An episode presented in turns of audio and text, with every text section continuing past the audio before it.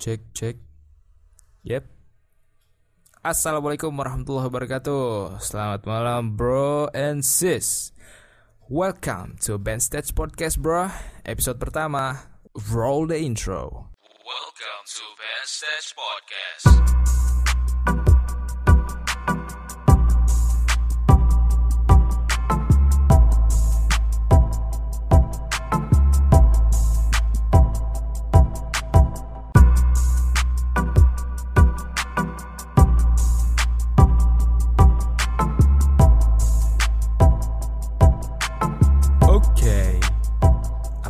Semuanya nih? Pada sehat sehat sehat sehat sehat, sehat ya. Alhamdulillah ya ya ya ya ya. Alhamdulillah. Kalau pada sehat tuh kan mantap. Jadi kita bisa mendengarkan podcast ini dengan seksama dan dalam tempo yang tidak singkat. Apa sih? Oh ya, sebelum kita masuk dalam pembahasan podcast ini, saya mau ngucapin dulu nih kepada adik-adik sekolah menengah atas yang kemarin sudah melewati UNBK.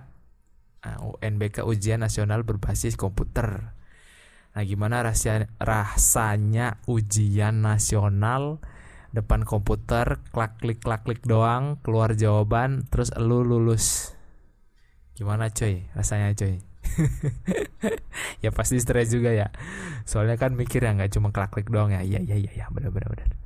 Nah semoga hasilnya memuaskan dan bisa lulus semua siswa siswi se Indonesia 100% amin. Ya robbal alamin. Dan juga buat teman-teman yang kemarin udah lolos SMPTN kalau saya nggak salah yang jalur undangan saya juga ucapin selamat. Semoga apa yang kalian dapatkan, apa yang kalian tulis kemarin itu kalian bisa tanggung jawab.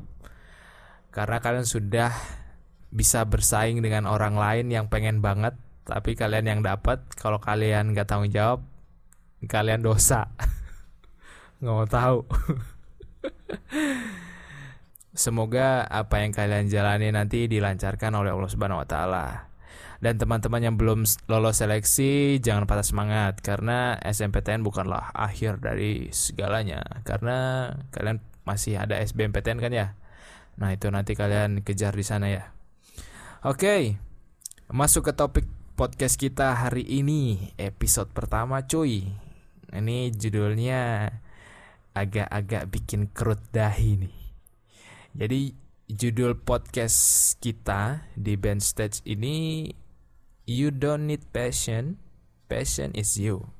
Wah. Ada yang penasaran? Apa ada yang udah ngarutin jidat? Ini bocah ngomong apa ya? But let me explain this. Masih ingat gak kalau kita waktu kecil dulu waktu masih bau beras kencur? Eh, bau kencur, bau ASI. Nah, itu kita suka banget hal-hal baru atau kita terlalu excited dengan hal-hal yang sangat sederhana seperti itu. Kayak misalnya waktu kecil dulu uh, jadi Umi di rumah itu punya sebuah mesin jahit. Nah, mesin jahit itu kan kanan kirinya biasanya ada laci tuh. Nah, itu setiap pulang sekolah saya ingat banget ini waktu SD, setiap waktu pulang sekolah dulu tuh kan saya Umi dan Abah saya tuh belum belum apa ya, belum mampu untuk membelikan mainan yang bagus gitu. Jadi dulu tuh ada mainan tentara-tentara kalau teman-teman tahu jadi yang ukurannya cuma setinggi jari telunjuk. Nah, itu dulu mainnya itu. Nah, terus uh, laci-laci yang tadi, laci-laci mesin jahit tadi itu saya keluarin, saya keluarin terus isinya juga saya keluarin benang, uh, jarum, kemudian gunting apa segala macam tuh disingkirin terus eh, nanti disusun-susun lacinya. Jadi jadi mainnya dulu konsepnya gini. Eh, nanti yang di bawah itu eh, posenya ada yang tembak-tembak. Terus nanti dibikin dua susun. Satunya yang paling tinggi tembak ke bawah. Nah itu padahal sangat-sangat sederhana begitu. Nah itu udah seneng banget. Nah mungkin teman-teman yang cewek-cewek pun juga mungkin dulu suka main masak-masak. Nah masak sayur tapi pakai daun pisang atau masak ayam tapi ayamnya batu. Nah, tuh. Nah, itu apa ya? kita terlalu excited uh, tentang hal-hal yang sangat sederhana. Apalagi waktu kecil kalau misalnya kalian pernah kecil, ya iyalah kamu pernah kecil. Kalian tuh sering pasti sering ditanya tentang cita-cita, kemudian apa sih yang apa sih yang kalau anak-anak TK tanya tuh, "Dek, dek, kalau besar mau jadi apa?" Jadi dokter.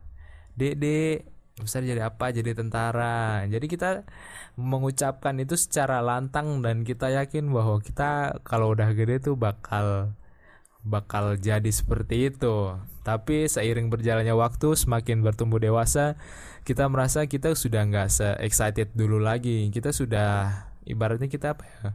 Sudah lebih peka terhadap resiko-resiko dan terkadang malah kita menghindari resiko kadang-kadang. Bagaimana kita mau mencari uh, passion kita kalau misalnya kita terlalu takut tentang risk atau kita tidak mau mengambil resiko. Jadi kembali mengenai passion bahwa passion ini dalam pandangan orang atau arti istilah dari passion ini sederhananya itu coba tak cari dulu kita googling dulu googling kita cari passion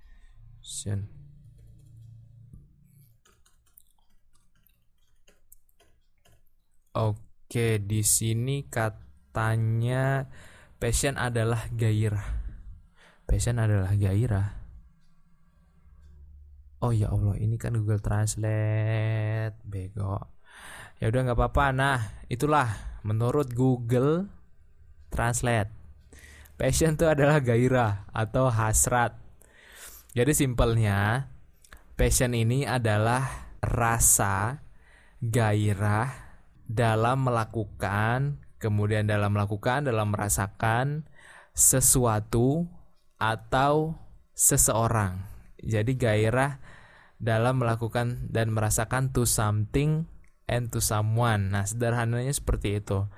Nah, kalian sebenarnya juga mungkin sering merasakan uh, perasaan ini. Contohnya misalnya kalau kita main game. Nah, main game. Nah, itu kadang kita terlalu menjiwai tuh dalam main game. Kita main dari pagi, kemudian dari siang. Dari siang kalau nggak diteriakin suruh makan nggak makan kalau disuruh tidur siang nggak tidur siang kalau disimpan gamenya malah marah-marah itu sampai malam itu nggak ada capek-capeknya cuy. Nah itu kalau misalnya boker pun bisa ditunda tiga hari itu mungkin ente-ente juga pada tahan pup lu cuy. Nah itu atau misalnya kita sangat suka tentang fotografi. Nah saking sukanya fotografi itu setiap setiap apa yang kita lihat itu kita foto. Kayak anak kecil dulu nggak tahu nggak sih? Kayak dia udah pegang HP terus dia foto meja, foto dinding. Itu dindingnya kosong, jadi cuma foto dinding nah kayak gitu. Itu rasa dari passion kita dulu, nah kayak gitu. Tapi mungkin kita berpikir, ah emang kalau waktu kecil kayaknya semua anak kecil emang kayak gitu. Tapi kalau semakin lihat sendiri contohnya dalam game aja. Nah, belakangan ini game itu sudah menjadi bisa dibilang sebagai sebuah pekerjaan karena uh, memiliki hasil yang cukup menjanjikan. Jadi misalnya sekarang itu bahkan banyak game game-game kayak misalnya CS, kemudian ada MLBB, kemudian ada apalagi Dota. Nah, itu ketika kita memenangkan kompetisi itu hadiahnya nggak nggak ratusan ribu coy. Nggak jutaan coy. Puluhan juta sampai ratusan juta bahkan miliar coy. Ngeri nggak tuh coy nah selain kita bisa mendapatkan hadiah nah kita itu bisa dapat income juga dari brand ambassador produk gaming kayak misalnya kita memenangkan pertandingan A juara satu akan menjadi brand ambassador brand ambassador gaming ini gaming ini nah itu karena berkembangnya zaman, passion yang dari dulu kita waktu mungkin kita melihat game itu hanyalah passion anak kecil karena semakin dewasa akan semakin ternyata tidak. Contohnya pada di Indonesia juga sangat hangat banget ini akhir-akhir ini ada event MLBB. Jadi ada lomba juga mirip Dota cuma ini Mobile Legends. Itu pun hadiahnya nggak nggak sedikit. Jadi cukup menjanjikan uh, kalau kita bermain game dan cukup serius menekuni gamenya. Salah satu contoh misalnya kalau teman-teman sering main MLBB tentu tahu namanya EVOS Just No Limit. Ada yang tahu? Nah itu pernah diwawancarai oleh uh, Reza Arab di video YouTube-nya kalau si Om Just No Limit ini dia pernah jadi top global season berapa? Saya lupa. Jadi top global nomor satu. Nah dia cerita kalau dia menjadi top global nomor satu itu dia konsisten bermain sehari itu 18 jam. Bayangkan 18 jam coy. 18 jam dari 24 jam. Dari 24 kurang 18 jam berarti kan sisanya 6 jam tuh. Nah 6 jam itu dia pakai buat mandi, boker, makan dan lain-lain. Nah kalau kita mah di rumah belum apa-apa baru sejam main udah diterakin emak. Le garam habis beliin. Ya. Itu kalau kita tolak hmm, itu wifi di rumah mati. Mati hari itu juga cuy. Nah itu karena memang uh, budaya Indonesia ini masih melihat tolak ukur kesuksesan itu dari tingkat pendidikan dan juga nilai jadi kadang kesukaan yang tidak berdasarkan tingkat pendidikan dan nilai itu agak sulit atau sering ditentang sama orang tua kita sendiri. Nah, ini yang kadang menjadi salah satu penyebab apa ya perselisihan antara anak dan anak dan orang tua. Tapi saya tidak menyalahkan orang tua karena di dunia ini orang tua mana sih yang pengen anaknya gagal? Semua orang tua pasti pengen anaknya itu sukses, bahagia dan bisa menjalankan hidup dengan baik gitu loh. Jadi bagaimana kita dengan orang tua mengkomunikasikan apa yang kita senangi dan apa yang mereka inginkan agar tidak bertabrakan gitu. Dan tentang passion ini pun ada dua kondisi. Ah, ini nih dua kondisi yang umumnya terjadi. Yang pertama itu ada kondisi di mana orang itu bisa menemukan passionnya sedini mungkin atau dia udah tahu passionnya dia. Nah, dia tuh udah tahu passionnya dia dan dia berusaha untuk menjaga passionnya. Contohnya misalnya kalau contoh umumnya kayak Steve Jobs, kemudian Bill Gates. Nah, itu kan mereka DO dari kuliahnya kemudian membangun something.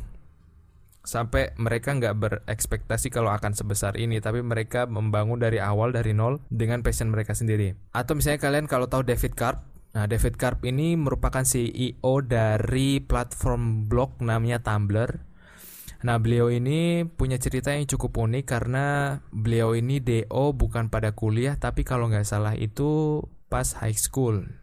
Pas SMA atau kenaikan ke SMA itu saya lupa. Nah, beliau itu sudah di DO. Jadi dalam umur yang sangat muda itu dia di DO karena dia sendiri sadar bahwa dia suka dengan coding dan orang tuanya pun mensupport apa yang dia suka dan kemudian dia mencoba menge mengejar impiannya.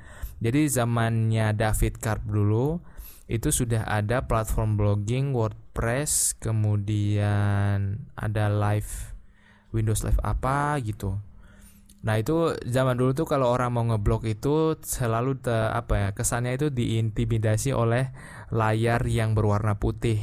Nah layar berwarna putih kan kayak ayo kamu mau tulis apa? Ayo ayo tulis tulis. Nah David Karp itu tidak mau seperti itu. Jadi dia mau bahwa setiap orang tuh harus bisa mengekspresikannya tanpa harus uh, ter merasa terintimidasi oleh interface dari blognya. Makanya dia buat Tumblr di mana Tumblr itu memiliki enam format kalau nggak salah enam format postingan. Jadi ada teks biasa kemudian ada video ada foto ada suara, kemudian ada percakapan. Nah, itu impian yang coba untuk dibawakan oleh David Karp dan sampai akhirnya sekarang dia sukses dan Tumblr sekarang sudah dijual ke CEO Yahoo kalau nggak salah.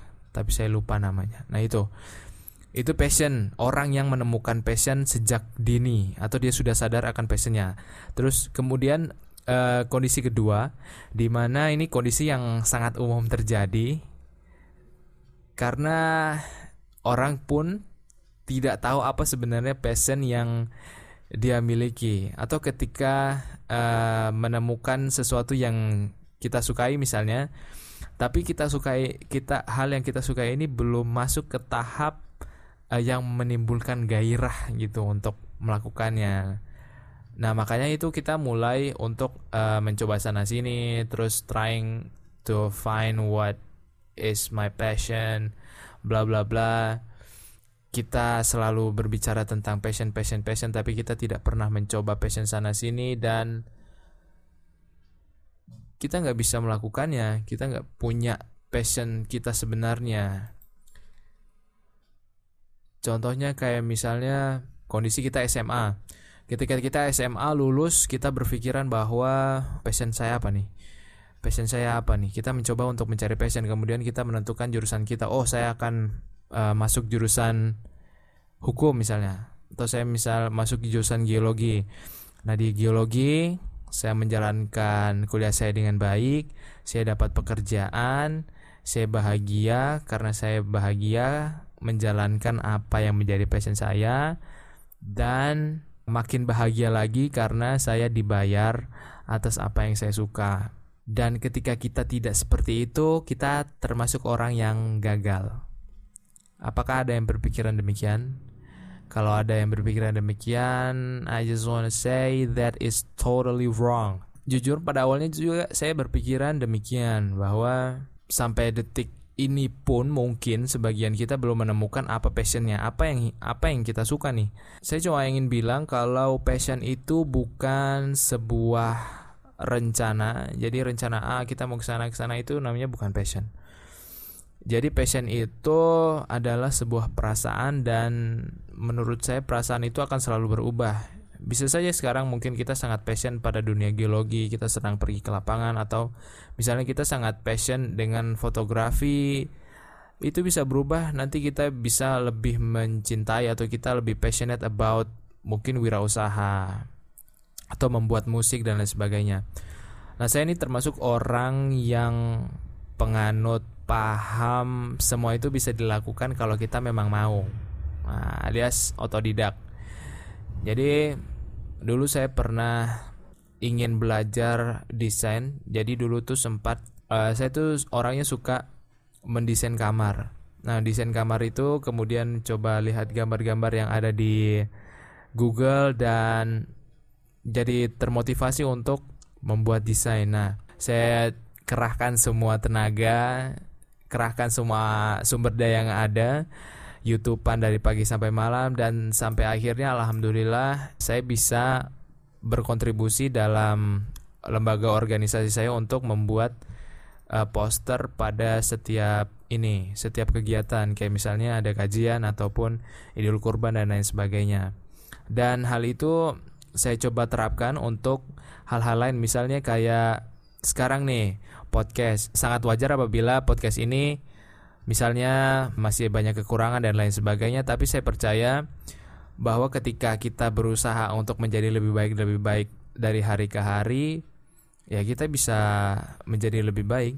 Semuanya tuh berawal dari nothing. Yang penting adalah kemauan. Kalau misalnya kita berpikir, wah dia udah sukses nih, bagus banget. Nah itu kalian kalau berpikir kalian tidak bisa menjadi dia itu kalian gak bakal pernah bisa karena setiap orang itu seperti tadi uh, kuncinya adalah mau itu pasti akan dapat. Jadi misalnya A sukses di perusahaan bla bla bla bla. Ketika kita lihat, nah kita coba untuk mendedikasikan diri kita dan passionate about bidang yang kita sukai, kita bisa menjadi A atau kita bisa menjadi jauh lebih hebat dari A. Nah, itu yang coba saya tekankan kalau sesuatu itu pasti mungkin. Kembali ke passion tadi, passion bukan tentang saya ingin melakukan ini, saya ingin melakukan itu, tetapi passion adalah kita ini melakukan sesuatu dengan passion yang saya bawa. Jadi kita nih jangan cari passion, aduh passion kita apa ya coba cari ini ah, cari ke sini ah, cari ke sini ah, ujung-ujungnya kita akan akan masuk ke dalam cycle kayak kita mencoba ini aduh nggak cocok coba ini aduh nggak cocok coba ini. Pada akhirnya kita akan terputar-putar dalam siklus itu.